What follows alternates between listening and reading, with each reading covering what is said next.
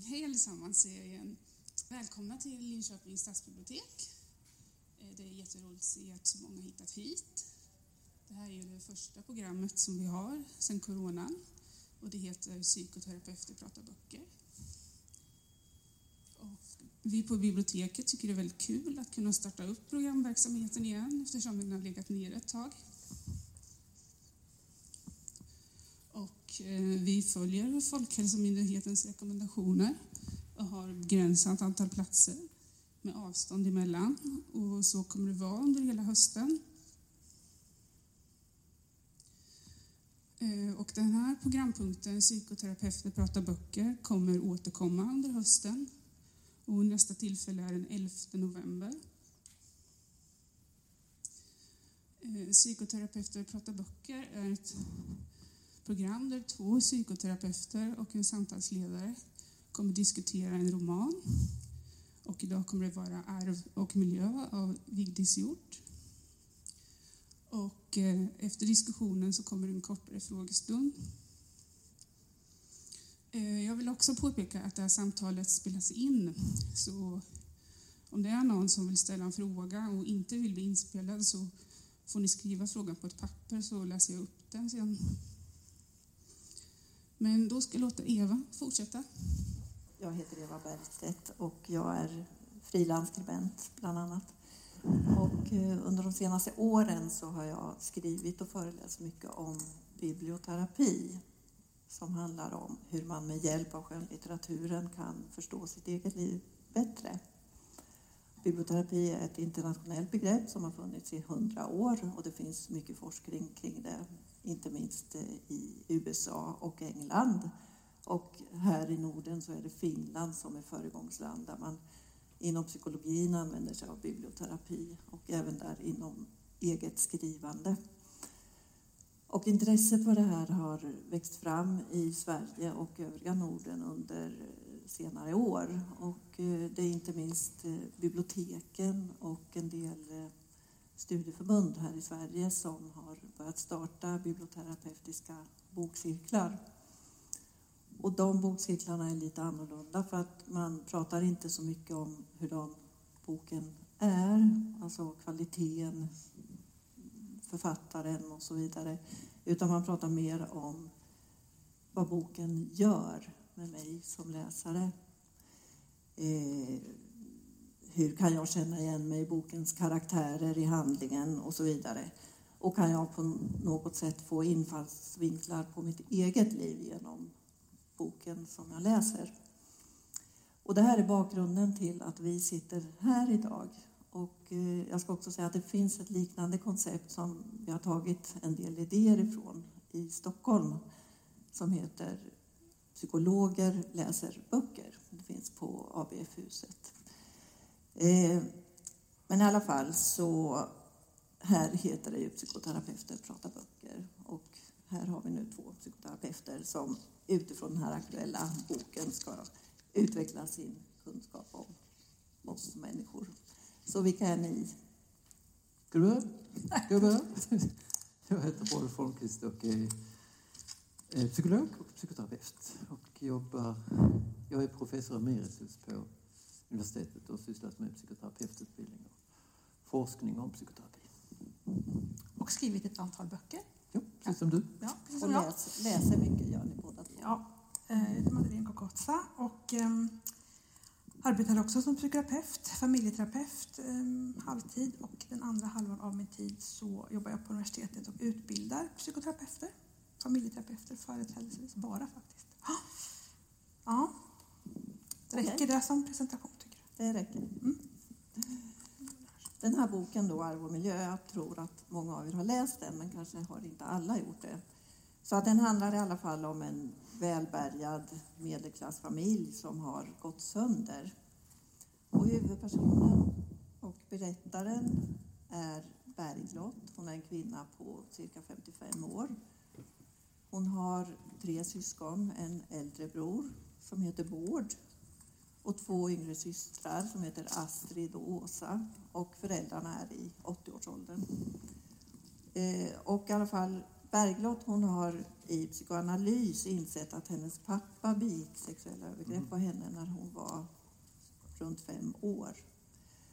Eh, han har alltid nekat till de här anklagelserna och ingen i familjen har velat tro på henne. Det, det, det här har sopats under mattan i familjen.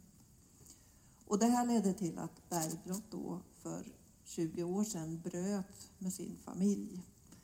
Hon eh, har haft sporadisk kontakt med lilla syster Astrid.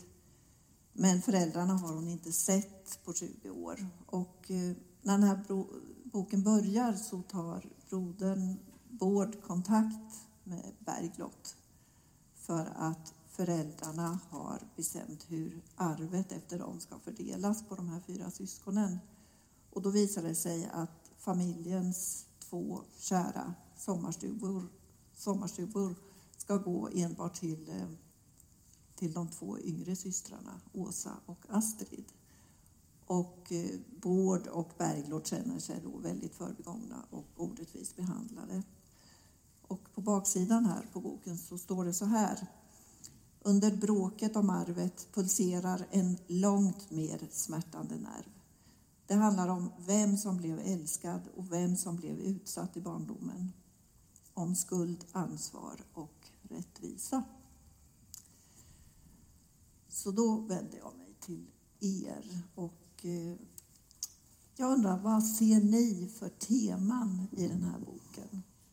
Om du Madeleine börjar. Ja, alltså jag tänker att det, det är ju inte bara övergreppstema eh, som finns i jag ska att det är väldigt mycket besvikelser. Det oerhört mycket ja, gränsöverskridande och besvikelser i, ja, i många relationer egentligen.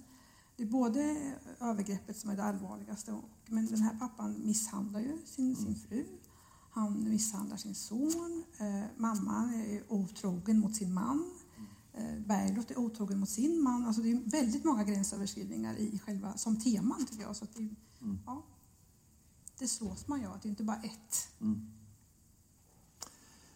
Ja, det finns ju många. Alltså jag läste boken en gång till nu när vi skulle prata om den och då slog mig att det var, det var mycket mer intressant än jag tyckte första gången faktiskt. Eh, för det fanns alla möjliga sorters ingångar.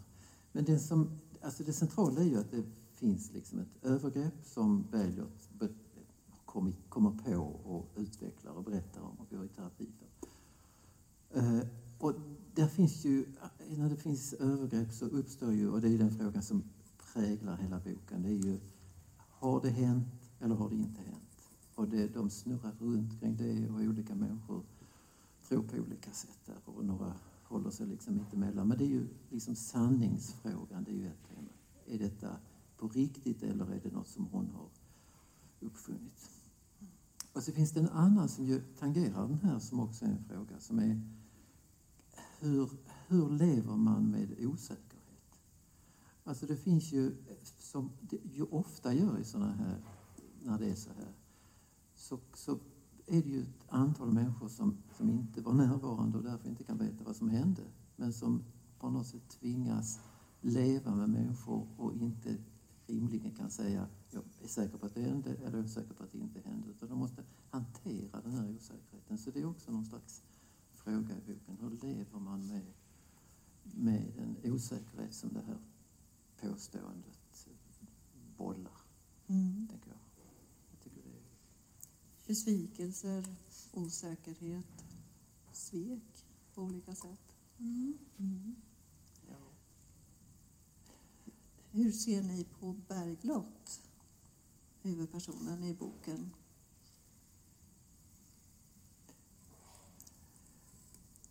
Eh, Hur ser vi på... Ja, Vad Alltså, tänker det, alltså jag, jag tänkte, är det okej om jag börjar? Det, det finns ju en sak som, som, som också finns ju så tydligt i den här boken och som, som ju har med Bergljot att göra. Och det är... ehm, alltså, när det finns ett övergrepp så uppstår ju alltid frågan eh, vem är antingen är vittne i meningen att man på något sätt vet om det eller kan vara vittne i meningen att man liksom säger jag tror på dig. Eh, och här finns ju ett antal människor som träder fram liksom och vet. Till exempel har ju Beilert ett antal kompisar, särskilt en som heter Klara, som hela tiden säger stå på dig, säg mer, säg ifrån. Så, eh, och, man känner, och det känns väldigt, eh, jag vet inte, ja, vi träffar ju aldrig denna Klara men jag känner mig väldigt tveksam till sådana där som tvärsäkert vet allt som har hänt utan att de kan veta någonting egentligen. Det finns mycket av det där i boken, det är en slags tema också. Att man, det driver fram liksom någon slags behov av att vara säker. Så. Men det är det som är skillnaden på en sån här typ, alltså ett övergrepp, sexuellt övergrepp, misshandel i en familj och andra. Så det är i en familj finns det olika sanningar och olika berättelser. Var och en har sin. Det är inte samma för att man är i samma familj. Så har man ofta olika berättelser, mm. olika bilder. Men här blir det någon sorts avgörande för mm. om man verkligen om man tror eller inte tror. Det mm. blir liksom mm. fatalt om man säger nej, jag mm. tror inte på dig. Och det är det här, man säger så till, sina, till henne. Jag tror, vi tror inte på dig. Mm. Och det blir ju det är en helt annan tyngd, en helt annat liksom verk i det än vad det annars är i andra konflikter i en familj. Så att, för henne blir det ju någon sorts ändå vägskäl i vem hon ska ha kontakt med och vem hon inte ska ha kontakt med framöver. Och det, ja, det, det kanske är svårt att förstå det om man inte, som vi, har arbetat så allvarligt i det. Man förstår ju hur det, liksom, det blir ett vägskäl. Man kan inte leva i en familj och ha varit utsatt och sen höra de andra säga att ja, ja, vi vet inte riktigt. Utan då blir det liksom en sorts avgörande eh, ställningstagande till vilken relation man ska ha framöver. Den kommer att spela relation och det är, hon, och det är det hon jobbar med. Mm. Men hon bestämmer sig också för att, vi, att nej, hon vill inte längre ha en relation till dem. Hon vill inte ha kontakt med dem, så hon bryter med sin familj. Mm. Mm. Och, och, det gör ju inte alla, skulle jag säga, mm, som har blivit misshandlade eller som har blivit utsatta för övergrepp. Eh, så det är ett val man har att göra det, att kunna göra det eller att inte kunna göra det. Så skulle jag säga. Jag tänker att det är alldeles förfärligt i Berglots situation att, att vara så, liksom, vara säker på att det här, de här övergreppen har skett och sen inte få stöd från sin familj. Mm. Ja, hon blir ju inte trodd. Nej, hon blir ju inte trodd och får ju inte stöd heller. Det finns ju en person, det finns ju, det finns ju många gestalter som gör eh, lite olika, förhåller sig på olika sätt. En av dem är ju hennes syster Astrid som ju är på ett sätt en slags huvudperson i boken, eh, fast hon är inte jag-personen. Eh, hon, hennes, hon är ju lilla syster och hennes jobb, hennes vanliga jobb, det är att syssla med fredsmäkling. Hon är i den branschen som ska mäkla fred. Och det blir väldigt märkligt, för på ett sätt så kan man tycka att hon är väldigt schysst. Hon försöker liksom få dem att försonas eller få dem att prata, med, hitta någon lösning på det här. Och samtidigt så känns det som att hon eh, eh liksom eh, smiter från själva frågan, som kanske du var inne på. Hon, hon är väl den som tydligast gör det. Hon, hon, hon sätter aldrig ner foten. Hon, hon säger, jag kan ju inte veta. Jag, det, jag tror på dig, men jag tror på dig också. Jag, så, så, som någon slags fredsmäklare. Och det, alltså om, om vi nu tänker att hon har verkligen blivit utsatt för övergreppet så blir det ju väldigt märkligt om man ska liksom mäkla fred i en fråga där en har förgripit sig på en annan. Ja. Det finns ju en skuldfråga förstås. Jag tycker Astrid är, är, är jätteknepig. För att det är inte bara övergreppet det handlar om, det handlar ju väldigt mycket om det här arvet också. Mm. Att det bara är två av syskonen som får ärva de här älskade sommarstugorna. Ja, ja visst. Visst. Och, så Astrid blir ju en del i den konflikten fastän hon samtidigt, tycker jag, framstår som väldigt, eh, ja, tror sig ha svaren hela tiden. Alltså det finns ju ett annat spår här. Ursäkta om jag... Du får ta, du får Jag tar den och jag tar den. Själv vill ha den. um, alltså boken är ju på något sätt väldigt psyko, Eh, psykoterapeutiskt. Eh, alltså det bygger väldigt mycket på psykoterapi, eller psykoanalys kan man ju säga. För den här Välet hon går i psykoanalys.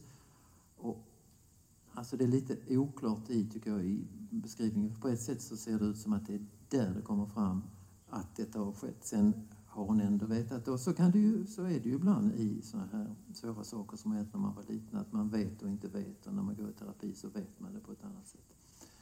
Men därför får ju liksom psykoterapin en väldigt stor plats. För det är där det är utifrån hennes psykoanalytiska behandling som hon är säker på att detta har skett och hon bryter med sin familj.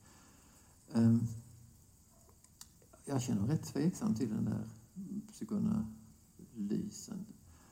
Och, och det kan man tänka om den där Astrid, att hon är ju också en slags... Alltså en del psykoterapeuter hamnar ju i det läget.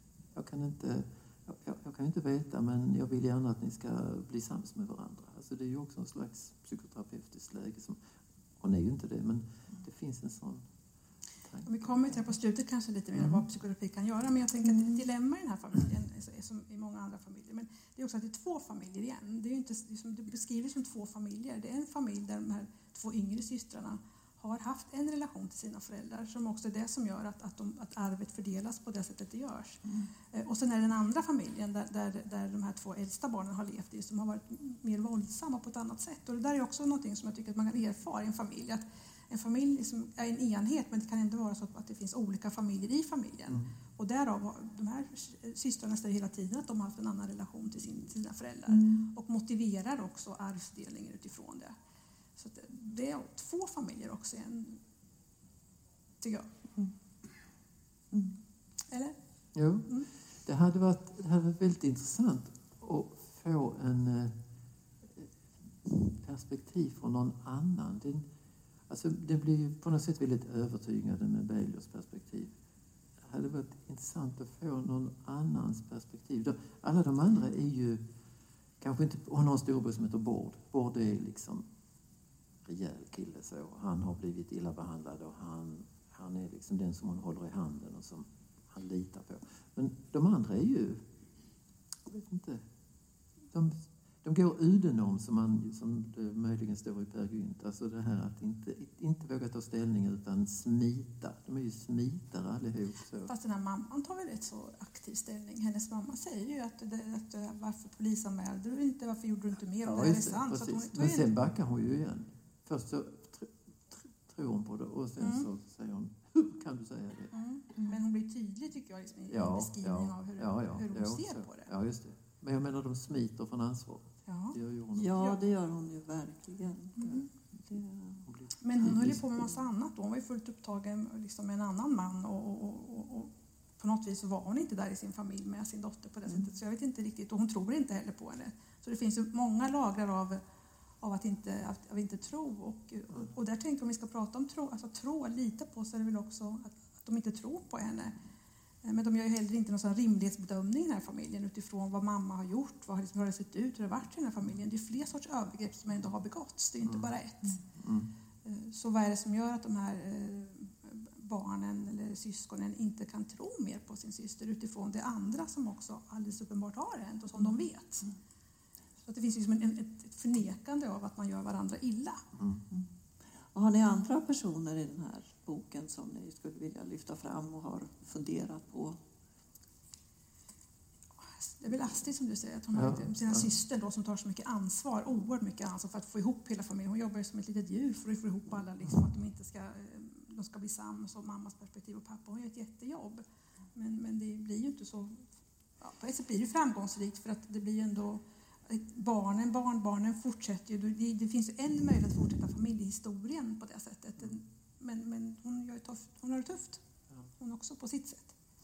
Hon, hon skriver eh, återkommande, tror jag, både om mamman och pappan. Stackars pappa, stackars mamma. Eh, och det kan kännas, och sen kliver hon över liksom och säger, de har ju gjort det här. Men man kan ju... Alltså han har ju begått det här han, han vidgår inte det. Alltså, på det planet så är han en fegis, det är uppenbart. Men de är ju på något sätt också ja, människor av sin värld och sin tid. De, vi kämpar alla på. De kämpar också på på något sätt, på sitt sätt. Man kan känna en slags ömhet för dessa människor som man också kan bli liksom väldigt arg på. En mamma som inte kan ställa sig på sin dotters sida när det är, hon förefaller veta att någonting har hänt. Alltså, så, det... ni, ni, verkar så försonande. För jag, jag, jag blir jättearg på mm. Astrid framför allt. För att jag tycker att hon, hon sviker Bergljot och inte, alltså när det gäller arvet då, att hon inte inser sin egen roll i det här och orättvisan i att det är bara två av de fyra syskonen som ska få ärva de här sommarstugorna. Ja, din fråga var inte riktigt så. Den var ju vilka andra personer tycker ni har liksom är framträdande? Men ska vi prata om det? det den frågan nu, för den stod inte Ja, vi- dina frågor så det bara tänkte, Mm. ja, eh, liksom, vi, vi, vi, ska Vi- prata om arvet. Vi, vi kan prata om arvet, Ja, för det är väldigt det kan vi prata om. Nu är det mindre försonande kanske. Nej, men jag, alltså, det är du som är familjeterapeut, Ja. Madeleine, men, men jag tänkte ändå, om man tar det perspektivet. Alltså ibland så, så är det ju så här att jag är ju individualterapeut och så träffar jag en människa och så träffas vi tio gånger eller fem gånger och så säger du kan väl ta med din partner. Och så kommer partnern med. Och så kan jag inse att jag, det, det finns en helt annan berättelse som, som är väldigt rimlig och som vi borde ha sett men som, det är inte, det är inte fakta men det är perspektivet. Därför, därför tänker jag att det skulle vara om någon av de andra berättade. Alltså det, hon är ju rätt speciell den här Beijert. Men det är ju uppenbart att hon inte mår väl. Hon super ju. Hon eh, byter karlar på ett sätt som inte är så snyggt kanske, även om det är tillåtet. Eh, hon kan ju te sig som att hon är rätt speciell personlighet också. Om jag hade de där sommarstugorna det känns mer synd om Bård, tycker jag. Det är lite orättvist. Men hon är en rätt jobbig typ, den här Beijert. Mm. Jag vet inte om jag skulle vilja ha henne i en sommarstuga. Men, själva, men alltså det som den tar upp är ju själva hur, hur, hur arv, vi pratar om varför det heter arv och miljö, om det nu har med arv att göra. Ja. Men arv blir ju materiella värden som delas upp. Och, och, och ibland när vi hör om arvstvister och människor som liksom blir osams kring arv eh, Eh, så, är det just också materiella värden, eller så är det just de emotionella eh, relationerna som avspeglar sig i arv. Och så är det ju även här. Det är de materiella, det är de emotionella relationerna som faktiskt avspeglar sig i arvet.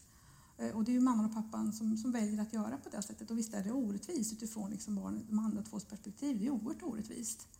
Ehm, men det händer hela tiden. Och det händer hela tiden att föräldrar gör så. Det är liksom ingenting specifikt så som att det inte händer. Det möter vi hela tiden. Hur, när, man sen, när föräldrar gör, gör arv så gör de också någon sorts liksom, ja, det blir någon sorts värdering i emotionella relationer. Och, och det tror jag att föräldrar ibland inte förstår. Att, att, att det är viktigt hur man gör. Och det gör ju inte de här föräldrarna. De förstår ju inte vad det är de, vilken metakommunikation de har till, till sina barn.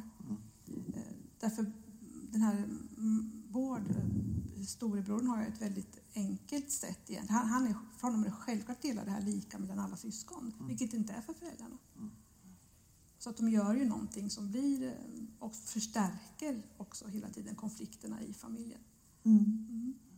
Mm. Och det menar du är ganska vanligt? Ja, jag tycker att det är vanligt. Jag tycker det är vanligt att man inte förstår hur, och att när vi pratar ofta i sådär generellt och när människor söker hjälp på olika sätt, att man pratar om att man inte förstår att de materiella uppdelningarna också blir någon sorts spegling av emotionella relationer i en familj. Och att det inte handlar om pengar ofta, det handlar inte om eh, ja, det krukor och hus, utan det handlar liksom om relationerna och hur man har hanterat sina barn. Och att för barn är det viktigt att vara lika mycket värda för sina föräldrar. Och här gör de en värdering återigen, att de här två är mindre värda än vad de här två är. Det är klart att det blir konflikter. Så att den delen tillkommer utifrån också, eller utifrån så övergreppen. Ja, just det. Alltså, det finns ju en sån där fråga. Om, om jag har en sak, om jag har ett hus, vem... Ska mitt fokus när jag är... Han är ju en gammal man, han är ju 85. Han Pappa? dör, ja, han dör ju. Ja. Så, det, så. Men vill jag ha mitt hus med de människor som jag vill, vill ha i mitt hus? Och i det här fallet då, de två barn som står mig nära och som jag har lätt för. Eller ska jag tänka att jag är liksom en förvaltare av mitt livskapital som ska fördelas jämnt till alla? När, när tar det... Om jag är 45 så kan jag säga ja, men du får vara i mitt hus, jag vill ha det där. Jag gillar inte dig, du får inte vara där. Men när går det över till att man ska liksom bli utdelaren på ett rättvist sätt av sina, sitt livskapital till... Eh, för Det, är- det är ju den frågan. På ett sätt kan man ju tänka, men här är två lite äldre människor som har en sommarstuga och de vill ha sina de döttrar som de tycker bäst om i sin sommarstuga. Så tänker de, ja. Det är så de tänker. Ja, det har de rätt i. Nej, därför att de gör två, det är två saker som de gör då i den här familjen, de här föräldrarna. Dels så, så, så, så ger de barnen, de här två andra barnen i huset, men de gör också marknadsvärdering som innebär att de här Ja, ja, två förlorar jo. väldigt mycket. Ja, ja, hade de ja, velat ge dem så hade de ja, velat ge dem ja, husen. Ja. Men sen kommer nummer två, det vill säga att de gör någonting annat. så Ja, att det, det- blir verkligen väldigt starkt Ja, i hur man hanterar Ja, just det. Men jag tänker mer på själva huset, Ja, men den jag emotionella ja, innebörden huset. husen är en sak, men, ja, men det gick ju att göra mera jämlikt Ja, ja. fördelning och Ja, mera ja. liksom. Så att någonting i de här föräldrarna skapar ju också en sorts tvåfamiljs, Mm. hela tiden Ja, ja. byggnad i sin familj och det blir de ju ansvariga för. Ja, och de förstör ju familjen ännu mer på det Ja, och sättet. alltså barnbarnen också tar ju nästa, i det här, alltså de här barn, äh, Bergos barn blir ju också bärare av det här därför att de tar ju också avstånd. Så det är också, man bygger en familjehistoria på det här sättet. Det är liksom är förlängning i många generationer som man faktiskt skapar en familjehistoria som blir tragisk. Jag har hört dig prata tidigare, Madeleine, om det här med, med sommarstugor och eh, alltså släktens sommarstugor. Att det kan vara väldigt förödande att du har mött det i dina terapier. Ja, att det är komplicerat ändå. Liksom. Man, man bygger ju upp, man bygger ju i en familj så liksom bygger man upp någonting kring sina sommarhus och alla ska vara tillsammans. Och det är liksom, ja, men sen är det ju nästa steg då, hur ska man fördela det här på ett sätt så att, det, så att alla, det blir ju allas hem. Och ja, men det blir komplicerat, man tänker sällan på liksom, att det är flera generationer som ska samsas om det där på olika sätt. Så att, eh, man behöver vara mer tror jag, aktsam om och tänka noga på vad, vad som händer när man bygger på det här sättet. Och hur ska man tänka? Ja, det vet jag inte riktigt. Men jag tror man ska tänka mer att, att, eh, att man inte kan bygga så. Alltså man, det är en familj och familjen, liksom, här är vi alla, man samlas på sommaren och allt är fantastiskt. Ja, då bygger man ju också upp någon sorts enhet i det där, att nu är vi alla här. Men med tiden kommer ju inte alla kunna vara där. Alltså hur ska man då, att måste börja- de diskussionerna tidigt, hur ska vi göra med det här? Alla kan ju inte fortsätta, liksom, att det blir som en sorts ändå diskussion i familjen. Nu tycker jag inte att det, faktiskt att det är det centrala i den här boken. Jag tycker att det centrala är konflikten med alltså, övergreppen som blir det. Som blir liksom, hur hanterar man det? Och hur hjälper man en familj vidare där, där det är på det här sättet? Men man kan väl säga att sommarstugekonflikten är där att man inte ska få de två av dem. Att det liksom är långt, långt tillbaka i... Hon är ju 55 kanske när hon skriver nu. Och när hon var fem då, så det är 50 år tillbaka i tiden. Då hände det saker. Då förgrep sig sannolikt pappan på henne och han slog sin son och han bar sig illa åt. Och då börjar liksom en historia som sen hon, för hon det är ju liksom återblickar på hennes liv och då börjar den historia som slutar i att de inte får vara i sommarstugan. Det är liksom en lång, lång... Och det är lite sådär, det blir som oundvikligt även om man kan säga att han kunde varit schysst, han kunde skärpt sig, han kunde gjort det på något annat sätt. Så kan man tänka förstås. Men det är som att det finns en nödvänd, psykologisk nödvändighet. Man inte följer, Det ena följer det andra och till slut så hamnar de där efter 50 år i den här sommarstugan. Eh, jag tänker på det här med att bryta med sin familj som Bergljot gör, eller delar av sin familj. Det är ju en enormt genomgripande sak att göra. Och hur vanligt är det att ni möter den sortens problematik i era terapier? Och eh, vad blir konsekvenserna av att man bryter? Så kan man nog inte fråga. För det finns inte en konsekvens. Det finns, det finns ju så många sätt att bryta. Mm. Jag menar, barn bryter med sina föräldrar, föräldrar bryter med sina barn, syskon bryter med varandra. Det finns alla möjliga sätt. Man bryter, man bryter och vet att det är tillfälligt. Jag gör en paus och det är en paus. Man, man bryter och det är en paus men det blir jättelångt. Man bryter för livet men det blir... Alltså det finns ju alla varianter av det där. tror jag. Det, men eh, så himla sällsynt är det ju inte att man på något sätt säger att nu får det räcka, nu vill jag inte ha kontakt. Och, och uttala. Ibland är det ju så att det bara blir som man, man uttalar. Det är så himla ovanligt är det väl inte? Nej, jag syns inte vanligt tycker jag. Alltså, i våra, på våra mottagningar, i vårt arbete så är det ofta liksom familjekonflikter Mm. på olika sätt. Du kanske träffar dem mer individuellt. Jag träffar i alla fall familjer som också där man ska försöka eh, minska effekterna, försöka minska att det blir på det sättet. Det vill säga att man bryter med sina föräldrar, att man bryter med sina barn. För det är ju, det förändrar hela livet. Mm. Och alltså att när, när far och morföräldrar inte längre får träffa sina barnbarn, det är, liksom, det, det är klart att det är jättedrastiska Mm. eh, beslut. Mm. Så det ena tycker jag att det faktiskt eh, är, det är drastiskt och det påverkar och, och det, vi försöker så gott vi kan att, att ändå ja, försöka få människor att prata om hur hittar du andra lösningar, hur ska man göra, vad beror det på och så vidare. Men jag skulle säga att den andra tycker jag, perspektivet på det, det är att man, de som inte bryter med sin familj. Alltså det ena är att man bryter och det kan vara destruktivt förstås. Men det finns ju också en andra aspekten, det är så att vi också möter väldigt många som man kanske tycker borde bryta med sin familj. Mm. Eller? Visst, det Men som inte gör det. Ja, visst, det är som, Mm. det är som skilsmässor eller separationer. Så. Mm. Ibland så vill man att de ska hålla samman, ibland vill man att de inte ska... Så, så det, visst. Men jag tror vi har eh, kanske en benägenhet att bli mer... Alltså när människor separerar så, två, två partners, separerar, det, det är ofta rätt bra när de väl har kommit så långt. Det, det kan vi... Det, vi, det känns inte som att det är jätteviktigt Ja, att folk håller samman så. Inte? Ja, det tycker jag. Jag menar, det händer Ja, rätt att ofta. familjer håller samman. Jag tycker det är lite trångt. va? Men eh, jag tror. Det där får alltså, ni nog utveckla. blir jag mer... Förlåt. Ni får utveckla det. Ja, det. Åtminstone blir jag mer... eh, Det, det, det tar... Jag har en större benägenhet att eh, försöka hjälpa människor som bryter med föräldrar eller barn att försonas. Jag har lite svårare för att tänka så kan det vara. Livet, man, man, ett tag är man ihop och sen är man inte ihop och det är bra med det. det, det familjeband känns...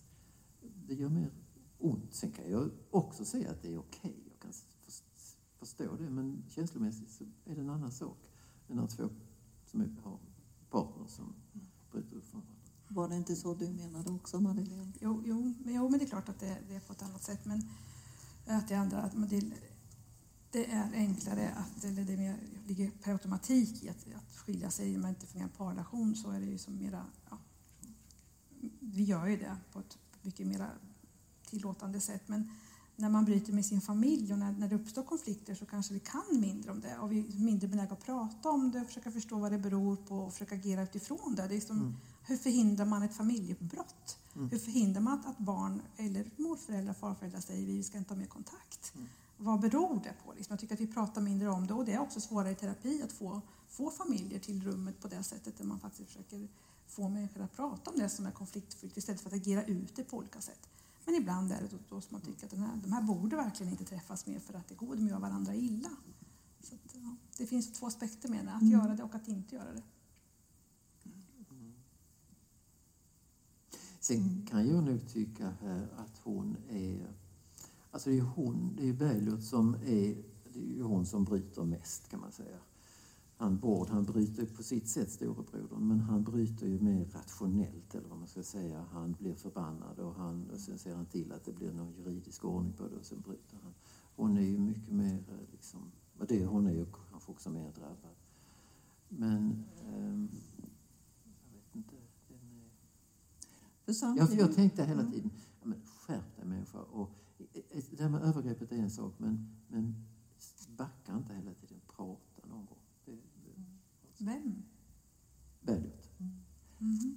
för jag tänker att eh, Då, då.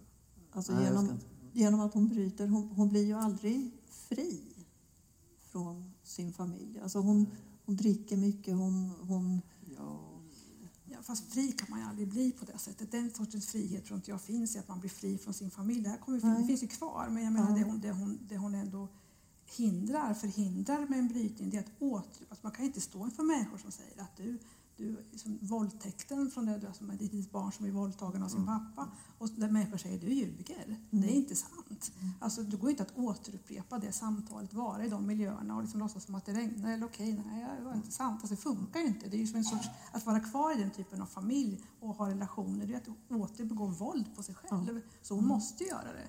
Och sen tror jag aldrig man, alltså fri i den, i den bemärkelsen går ju inte att bli. Hon får ju leva med det här som alla andra i hennes familj får leva med det på olika sätt. Jag förstår inte vad friheten skulle vara riktigt, det går inte. Men man lär sig väl att hantera det, att leva med det på ett annat sätt.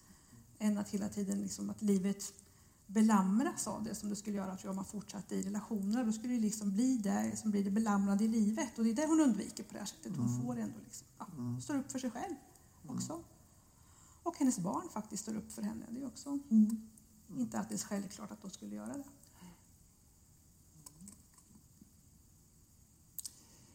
Ehm, Det är ju som sagt var väldigt mycket konflikter i den här familjen. Känner ni igen de här konflikterna i era terapier? Det är ju som ni sa mycket svek och besvikelser från Menar du någon av Många. konflikterna? Barn olika? Ja, och, och då tänker jag alltså, ja, vilken konflikt som helst som ni känner igen i boken. Alltså terapi handlar om konflikter. Konflikter med sig själv, konflikter med familjer, konflikter i sitt par, konflikter med sina barn. Det är liksom det är vårt eh, bränsle på att säga. Men det är därför människor kommer i terapi, därför att de har massa konflikter på olika sätt. Och de här är ju, ja det är så. De har konflikter på olika plan. Och vi skulle kunna möta den här familjen, och jag som familj, familjeterapeut, du som individualterapeut, det är ju olika konstellationer på olika sätt. Eller? Ja, men det, är, det, är ju, det är ju så många olika, så det, och alla hänger ju samman här som du gör i livet. Men, men det finns ju till exempel en mamma-dotter-konflikt här, eller vad man ska säga, eller en konflikt, eller en väldigt komplicerad relation som ju utvecklas genom åren. Och det är väl lätt att... alltså man kan bortse från, från övergreppet och bara tänka att de har en komplicerad relation, de här två människorna. Och det, Bergklot och mamman Ja, tänker du på? så, Ja. jag menar, det är ju annat också. Hon, hon, har en, hon har en älskare, den här mamman, och den, som betyder mycket för henne. Hon är på väg att flytta hemifrån. Vi, Bergljot uppfattar det som när mamman är på väg att flytta hemifrån, då vill hon gärna tänka att Bergljot har varit utsatt för övergrepp, för då kan hon säga att det var det som är skälet att hon flyttar till sin älskare. Sen blir det inget av med det, och, men sen dör den här älskaren, och då, eller han flyttar från sitt kontor, eller vad det var. I varje fall så finns det en packe brev som mamman har skrivit till älskaren, och då ber hon Bergljot förvara dessa brev som hon har skrivit till sin älskare. Det är som besynnerliga saker som händer.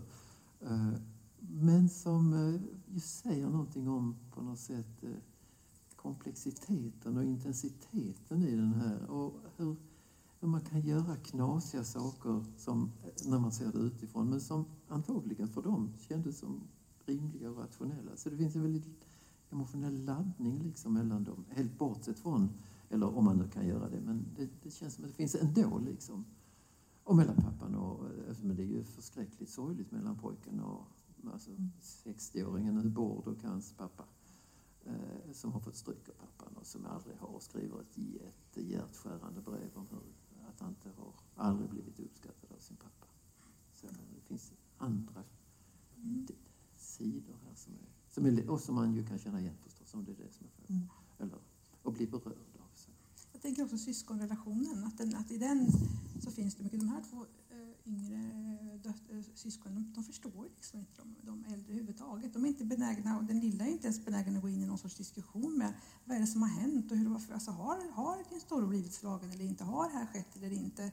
Alltså någon sorts ändå diskussion dem emellan. Hon, fris, hon som tar ju verkligen inte går in i det överhuvudtaget. Så där tänker jag ändå som terapeut att man kunde tänka sig att ändå samla de här syskonen för att ändå få dem att sätta ord på och hjälpa dem att förstå hur de tänker när det är på det här sättet. Hur tänker de att det här uppstår och hur tänker de att de här två har levt? Alltså någon större förståelse dem emellan för de har ju ändå liksom bärare av någon sorts familjehistoria och generationer framåt.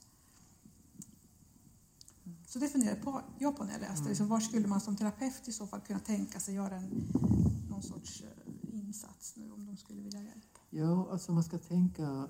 Du har någon fråga om hur man ska göra som Mm. terapeut. Men vi ändå, eftersom vi, Vi kan ta det. Det är Nummer det sju, som är- fråga nummer sju. Frågan är hur skulle ni som terapeuter kunna hjäl- hjälpa Bergklot vidare i sitt liv? Ja, om man tänker så, eh, så är det väl så att eh, det, alltså de för någon slags. Och den där Astrid, hon försöker liksom få till stånd någon slags Syster. Mm. Mm. Ja, syster. De mäklar mellan dem. Men det man saknar är ju samtal på riktigt så. Antingen att säger att nu jäklar vill jag berätta för dig. Vi träffas på ett café och jag vill berätta precis. Eller att systern skulle göra det. Nu vill jag veta. De liksom... Ingen kliver in i det. De som säger saker... Ja, hon, vid ett, är ju där hos, i, i ett tillfälle hos revisorn så läser hon ju upp en text och så berättar hon precis vad som hände. Bergklot. Ja, Bernhard. Men, men annars är det ju som att de, man... Så det, det tänkte jag att som terapeut skulle man ju på ett eller annat sätt vilja få dem att börja prata på riktigt. Sen behöver man ju för den skulle inte bli sams eller bli övertygad. Men man måste kliva in i det. Alltså, de är liksom inte där. Det tycker jag är... Och det tycker jag är det problematiska med den här eh, hela hennes psykoterapeutiska historia. Hon går till en psykoanalytiker som på något sätt hjälper henne att komma på det här men som inte förmår henne att liksom komma vidare med det. det detta hände och det är ju förskräckligt och viktigt och så nog men, men kommer inte vidare. Men hon bryter väl med sin familj, inte att komma vidare? Är, gör hon, ja, det kanske hon gör, men när de sen, sen är de ju på det igen. Det kanske, det, den perioden kanske var okej. Mm. Det kanske var bra. Men sen när de nu, det som vi följer här när de håller på med varandra och mm. sommarstugorna och så. Ja. Där tänker jag att, mm. och då tänker man att eftersom det är så levande så kanske de skulle, hon kanske skulle gå till sin syster och säga nu vill jag att du tar mig på allvar. Det är det du skulle råda Bergblad till? Hon ja. gick i terapi hos dig? Ja, det kan man säga. Prata med Astrid ja, det var ordentligt? lite enkelt. Men, ja. ja. Alltså, det, det, är min, det är min liksom, reaktion på berättelsen.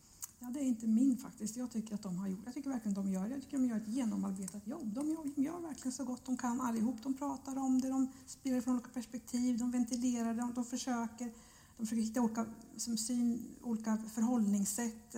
Vem pratar du om nu? Om allihop tycker jag. jag menar, Astrid Jaha, försöker liksom hitta sitt och Bergljot försöker liksom hävda sin, beskriva att det här har hänt och, och vill att de ska tro på henne. Hon försöker konfrontera sin mamma. Liksom hon jobbar på olika sätt för det men det, det, blir, det går ju inte. Det är liksom, jag tycker också att det, det, är en sorts, liksom, också det som kan hända i terapi, att man kommer fram till att det här går inte, det är som det är, det går inte att förändra. Mm. Och, så att jag tycker att de sliter också med sin, med sin historia, men, men den blir liksom olöslig därför att i grunden så, så är det ju ett misstroende mot, de tror inte på det de säger och då kommer man inte vidare. Ja, just det. Men då skulle jag tänka att antingen behöver Beiliot, alltså nu, nu blir det blir som lite fyrkantigt, men, men i princip då, antingen behöver Beiliot vi skulle läsa citat, jag har ett citat som handlar om det. Mm. Eh, eh, propsa på att de hör vad hon säger. Eller så skulle jag, om jag vore Astrid, om jag tänker så, så skulle jag säga Du säger att pappa har begått övergrepp. När hände det? Hur gick det till? Vad gjorde han? Var han full? Var han nykter? Var fanns din bror? Vad gjorde han? Vad hände? Vad såg han ut? Hur kändes det? Mm. De skriver ett brev, du skulle läsa lite mm. och i det, i det brevet står det, så skriver hon det i alla fall att hon, eh, ja, att hon um, inte tror på henne helt enkelt. Att mm. ord står mot ord och uh, hon inte tror på henne. Och jag vet inte om det skulle hjälpa om hon berättade, alltså innehållsmässigt. Så, så Madeleine, vad skulle du göra om du var om Berglott? Jag tror att jag skulle, nej, men jag, skulle, jag skulle nog inte samla den här familjen en gång till. Jag skulle inte samla, jag skulle inte säga, mitt råd skulle inte vara att ta hit din mamma och pappa för att prata med dem. Eller, därför att jag, liksom, det är ju färdigt, det är ju liksom, man har redan bestämt sig för att det här är inte sant. Så att, vad ska vi liksom återupprepa i rummet? Det, bara, liksom, det är risken när man jobbar med den här typen av av kränkningar, det är att kränkningarna återuppstår i rummet. Man, liksom, man gör samma sak och nu ska vi prata om det och så blir det exakt samma samtal. Men jag kan inte göra något nytt i rummet om det inte finns något nytt. Men jag tänker att det som skulle kunna finnas är i så fall för de här syskonen att hitta en annan väg tillsammans. Och det som jag tycker syskon ibland måste göra tillsammans, det är att, att förstå att man har inte samma familj, man har inte samma verklighet och hur ska man då kunna respektera varandra? För de här två andra har ju två helt andra föräldrar. Mm. Och det måste ju hon å sin sida också begripa. Att de här har, ja, Berglott måste skulle behöva förstå det, att de här har en helt annan uppväxt som ser ut på ett annat sätt och att, att man i en sorts kärlek till varandra måste förstå att ja, så är det. Kan vi ändå fortsätta en relation trots att, att att vi har haft en så olika uppväxt. Men i det ligger att man, ändå, man kan säga till henne, jag tror på det du säger, jag tror att det är sant. Det tror jag är förutsättningen för det, annars förstår jag inte hur det ska gå till. Tror du att man kan ha relation, att fortsätta relation i, med, med, i en familj där de säger att vi tror inte på att det är sant? Um, alltså jag, jag tror inte det finns ett ja eller nej svar på den frågan. Men jag tror, men jag tror att de behöver engagera sig i vad som har hänt på ett mycket mer känslomässigt sätt än vad de gör. Nu blir de så rädda. De, de hör om detta och så blir de så rädda och så backar alla och så inte har den där liksom fredsmäklarpositionen, Astrid, eh, att eh, vi måste nog försöka bli sams istället för att, istället för att bli upprörd. Om jag, om jag liksom ser det från Astrids håll Istället för att bli upprörd och säga, vad fan är det som har hänt? Nu vill jag veta med samma. Vad gjorde han egentligen? Jag hör inte att hon någonsin kliver in i det. Hon börjar liksom överväga sannolikheter för om det ena eller andra har hänt. Hon, hon kliver ju inte in riktigt. Och det skulle jag, jag tänker inte man skulle samla familjen en inte alls. Men, men jag skulle uppmuntra, om det nu var Berglut som var patienten, henne att få till stånd ett samtal med någon där som hon bryr sig om. Jag vet inte ens om den här Bård, alltså det är mer att han säger jag tror på dig. Broder. Ja. Ja. Mm. Men vad tror han på? Mm. Att hon är utsatt för övergrepp? Hur då? När då? Vad hände? Alltså, så- för det får någon betydelse för precis vad som har hänt. Mamman till exempel vet ju inte... Alltså mamman verkar ju... Alltså det går lite fram och tillbaka och mamman kanske inte riktigt orkar tänka kring det. Men han, som minns det så har han ju våldtagit henne. Det uppstår ju en sån fråga sen när hon är med andra killar, om hon blödde och om det... Och, och, alltså det finns ju den frågan penetrerad. Så är, det, är det en våldtäkt? Det är ju ingen som, som där i den här familjen som vet det. Mamma verkar ju mer tro att han har tafsat lite. Mm. Vilket inte är lite, men det är ju ändå... Alltså de, de, de, de, de låter det liksom inte göra intryck på sig. Det, det ger ju intryck på oss när vi läser det, för vi... Det går ju in i oss det här vad, vad han faktiskt gjorde. Man ser det framför sig. Han var full, han, han var ung, säger hon. Han gjorde saker och det, hon beskriver. Men hon säger att hon vill, inte, hon vill inte ta detaljerna. Hon har ju en speciell liksom, skäl till det, att hon inte vill. Sen vet jag inte om vi liksom blir för, för Ja, ja, ja. om det är viktigt i sig. Ja, liksom. nej, men, men nej, men, hon har ju ett skäl till att hon inte vill göra Ja. det. Jag tänkte, ni ska ju läsa varsitt kort citat från Mm. boken. Mm. Eh, vem av er vill börja? Någonting som har betytt Jag något. Mm. Jag hade två. Eh, Det ena är, alltså jag känner mig lite, lite vad ska man säga, lite ambivalent till den här psykoanalytikern som hon gick till. För hon, fäster så, hon fäster så väldigt vikt vid det, händer, det som händer där och det liksom sker i ett rum för sig. Eh, Hon drömmer en dröm som, hon, som är, blir en slags central dröm. Eh, Det handlar om att hon, eh, som hon berättar för sin psykoanalytiker då, hon kör med en bil, hon har en eh, liftare med sig, hon kör in i en garageport. Eh, garageporten sänks eh, och så försöker hon komma undan men den förstör bilen. De blir skräckslagna. Eh, jag sammanfattar här. Då såg jag en femöring på vägen och böjde mig ner för att plocka upp den. För det betyder tur att hitta ett mynt och för att trösta mig sa jag till mig själv att det trots allt kanske var min turdag. Jag tog upp den och såg att det bara var en knapp. Femåring? frågade han. Femöring? sa jag. Du sa femåring, sa han. Menade femöring, sa jag och berättade drömmen en gång till. När garageporten träffade oss var det som om jag blev krossad. Nästan krossad som en femåring, sa han och jag fick ström genom kroppen. Alltså, hon har nog vetat om det förut, men det här blir en sån där central scen där, det där hon liksom inser att det var det som hände. Det, det var när hon var fem år, då förgrep sig pappa på henne. Det, så. Ehm, det- Den är ju gripande och fin eh, och kanske eh, och väldigt viktig för henne naturligtvis. Men om jag då får lägga till ehm, eh, en, en annan bit där, en snutt, så eh, på slutet av boken så funderar hon om hon, ehm, vad hon skulle sagt till Astrid. Jag har egentligen sagt kanske det jag ska läsa nu, men hon tänker själv, Bergljot, så här. Eh, efter att det sprack för 23 år sedan valde jag att dra mig tillbaka. Det var då när hon hade gått i psykoanalys. Alltså. Att ta hand om mig själv, att få professionell behandling. Skulle jag ha ringt Astrid med fysiska detaljer, pläderat för min sak inför en skeptisk syster som älskade sin mamma och pappa och på goda grunder, och på goda grunder, som hade en bra relation till sina föräldrar, som önskade sig ett harmoniskt familjeliv. Skulle jag ringt henne och anförtrott henne mina öppna sår, mitt öppna kön, så smärtsamt, så skamfyllt, så intimt, omöjligt att tala om utanför det psykoanalytiska rummet.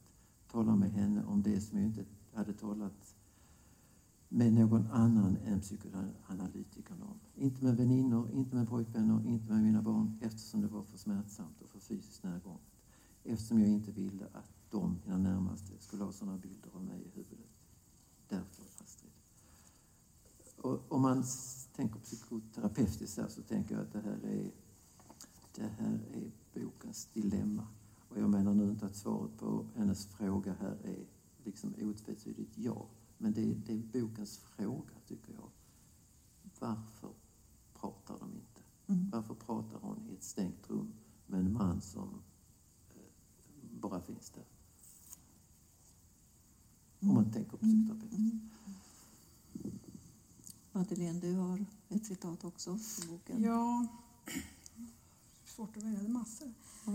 Eh, Men dels är det ett brev, två saker tänkte jag som jag tyckte var också ville lyfta. Dels är det ett brev som eh, Astrid skriver till eh, slutet, kommer brevet till sin syster Berglott. Berglott och skriver så här. Eftersom våldtäkt av barn är extremt allvarligt måste sådana påståenden behandlas med största allvar, skrev hon. Jag drack kaffe och läste, gjorde hon alltså Berglott. Det var som om dessa inte handlade om mig. Eftersom våldtäkt av barn är extremt allvarligt måste sådana påståenden behandlas med största allvar, skrev hon, formellt och på en armlängds avstånd, för att påpeka för mig hur allvarliga mina påståenden var- ifall jag inte hade tänkt på det. Använde allvar och allvarligt i samma mening, så allvarligt tog hon det på största allvar. Hennes utmaning var, stod det, att jag inte kom ihåg och att pappa avvisade påståenden.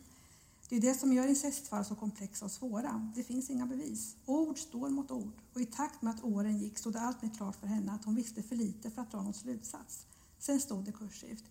Den information jag sitter på, jag satt på, det du har berättat och det jag har tänkt räcker inte för att jag ska veta säkert.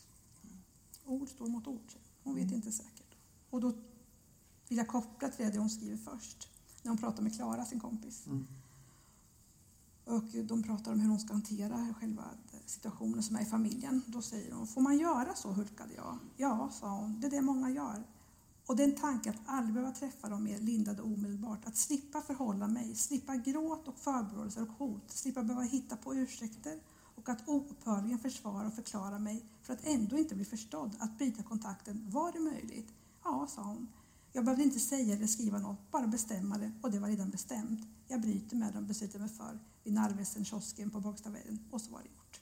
Mm. Att det blir liksom effekten av att inte bli trodd och att någon säger ord Mm. mot ord. Ja, då finns det liksom bara en väg att gå. Mm. Det kan man förstå. Mm. Mm. Ja, vi börjar. Jo, jo. Ja, vi, är, ju- vi är ju på samma Ja, punkt är vi det? på något sätt.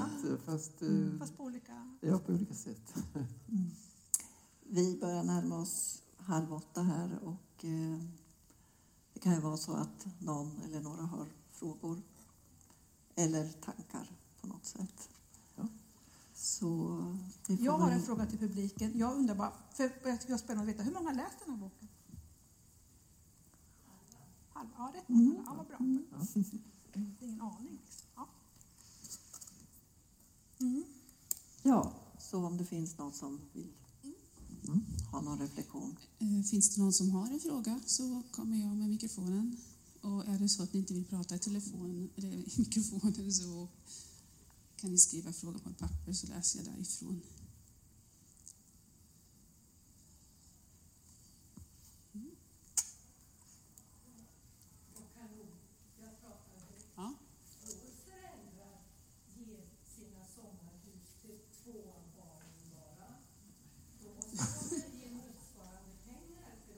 Ja, men det gjorde de också.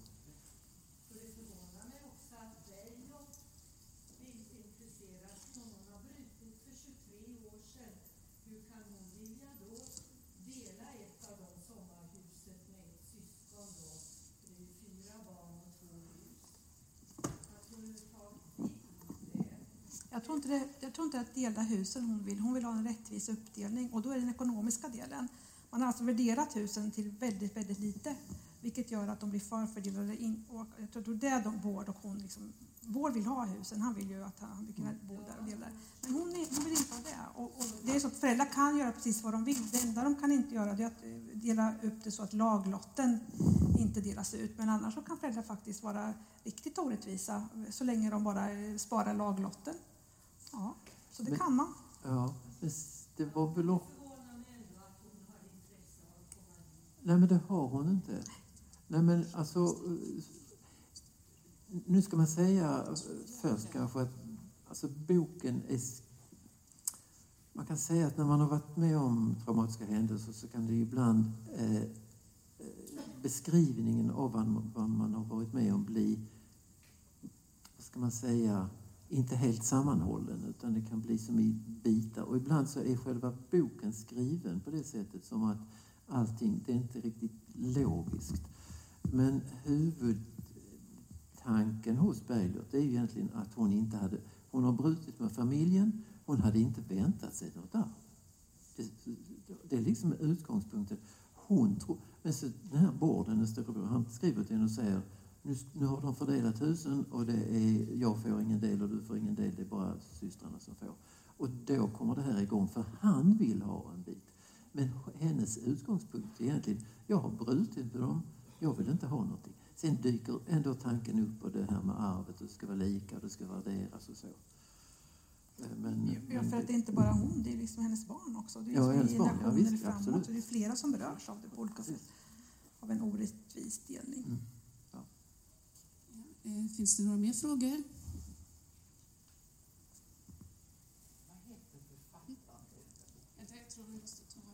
Vigdis hjort. Vigdis hjort. I slutet av boken så säger eh, Bergljot att hon varken kan förlåta eller glömma. Och då undrar jag med tanke på vad Madeleine sa att eh, i vissa familjer så måste man acceptera att situationen är som den är och ändå gå vidare. Och min fråga är, behöver inte Berglott eller kan Berglott få någon hjälp för att hantera verkligheten på ett annat sätt och slippa känna det här att hon varken kan förlåta eller glömma, även om de övriga har accepterat situationen.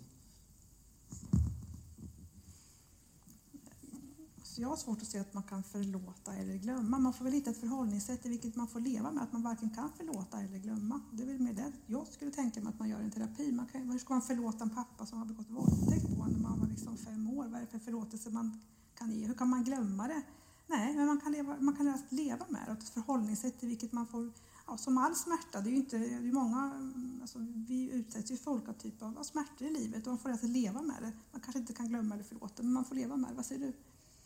Alltså jag tänker att hon, det är ju upp, rätt så i bör, boken börjar ju där det här har hänt nu med stugorna och så. så. Det har ju liksom gått en lång tid när hon inte förefaller ha haft någon särskilt mycket kontakt. Eh, men när hon nu är i detta, då, då blir det rätt uppenbart att hon är inte en person som mår så jättebra. Hon behöver ju hjälp. Så känns det ju Bergljot. Eh, och riktigt vad det ska landa i, om det ska, man ska hamna i den där dikotomin som så, förlåta eller glömma, det, det, det, är väl inte, det är väl inte där man, men hon skulle behöva kliva in i berättelsen med någon människa som utmanar henne en gång till. Det känns som att hon inte har fått det. Hon har fått hjälp att komma på vad som hände och det är självklart viktigt nog men hon har inte fått hjälp att förhålla sig till det som hon har det som sen har hänt eller det hon har gjort av det. Jag ska bara säga att hennes syster skrev sen en bok på norska. Mm. Den har, jag tror inte den är översatt till svenska. Men hon skrev en bok, Astrid skrev en bok om, om det här också. Om sin familj och vad som hände. Så. Eh, finns det några mer frågor?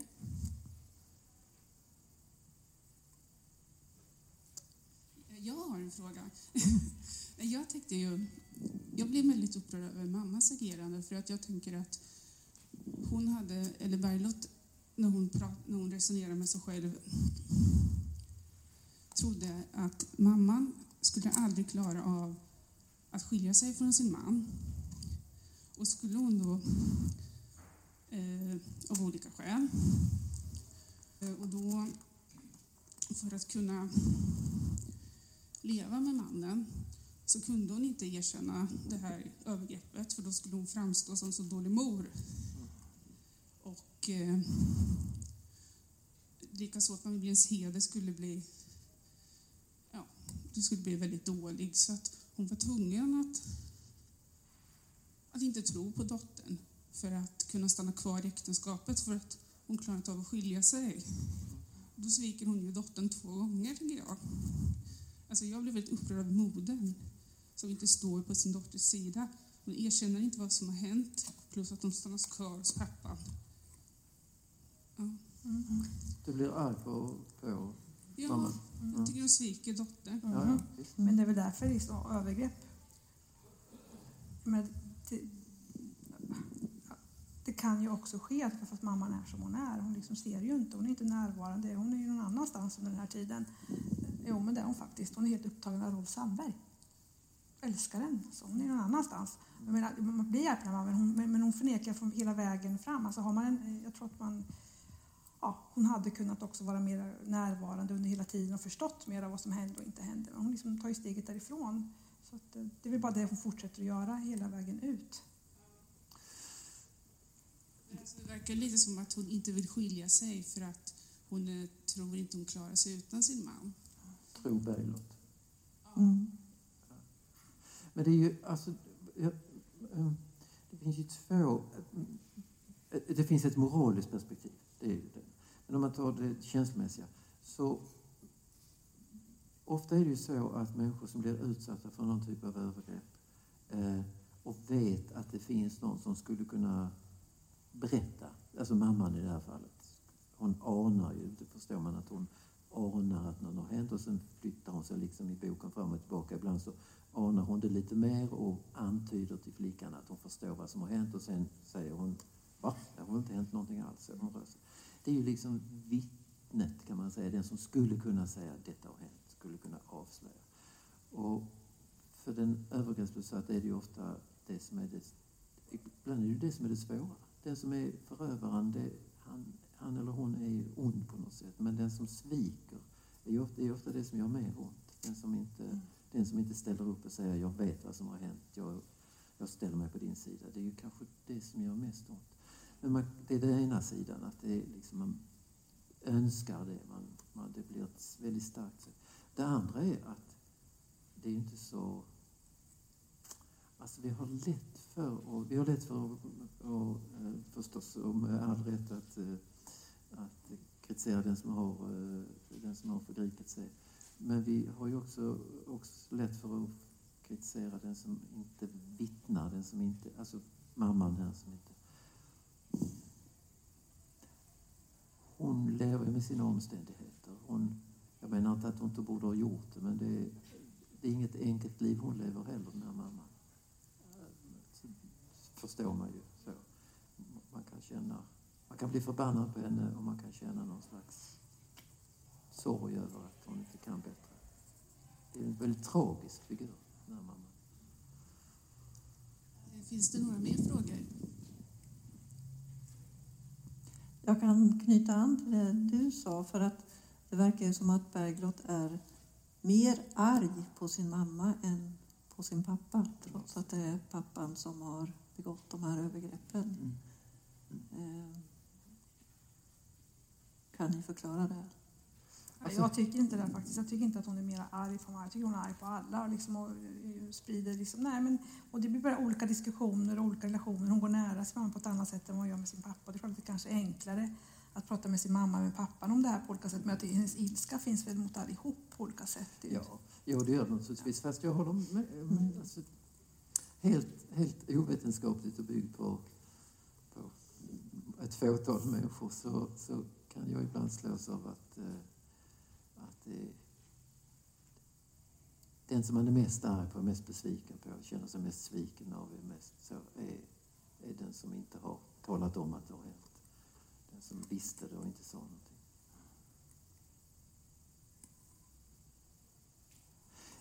Eh, Jag läste inte, jag Var det mer frågor? Det var frågestund nu Rolf. Ja, just det. Jag får, jag- får jag hoppa in med en helt annan slags Ja. replik här? Helt, helt Jag läste, en, jag läste en artikel som handlade om, eh, om de här... Eh, de som... Eh, de som... De har ju kommit fram nu. Jag, jag pratar nu om amerikansk politik. Vi har, det finns en galning som styr Amerika. Men det finns ett stort antal människor som inte säger han är en galning. Det finns ett stort antal kloka människor som är vittnen och som inte säger han är galning, utan som låter det ske. Och på något sätt så kan man bli ännu mer upprörd på kloka människor som låter detta ske. Alltså man kan känna igen känslan där. Jag tror ni förstår vad jag menar. Man, kan, man, kan, man ser en galning som säger dumma saker. Han är en galning. Men det finns massa kloka människor som inte säger han är en galning. det är lite den känslan tror jag som finns här också. Det finns den som skulle kunna, men som inte gör det. Det, det finns något djupt känt tycker jag, i så här besvikelser och sånt. Ja, Det eh, hade inte med saken att jag vill tacka alla tre för ett väldigt kunnigt och intressant samtal. Och det krävs en viss skicklighet och professionalitet att kunna prata om så svåra ämnen på ett sätt som eh, är allmängiltigt och som alla kan ta del av och även känna igen sig i. Är det så att ni vill prata mer om den här boken så kommer vi ha den i vår öppna bokcirkel den 8 oktober, 8 oktober klockan fyra. Det kommer vara en öppen bokcirkel så man kan komma hit och diskutera arv och miljö. Och sen eh, nästa psykoterapeuter pratar böcker den 11 november och eh, då kommer samma gäng prata om eh, eh Överlevarna av Alex Schulman. Den har Den här precis boken. kommit ut. Mm. Överlevarna, Alex Schulman. Så jag vill säga tack en gång till och så syns vi åter den 11 november.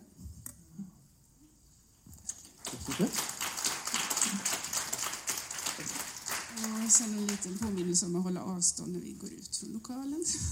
Okej.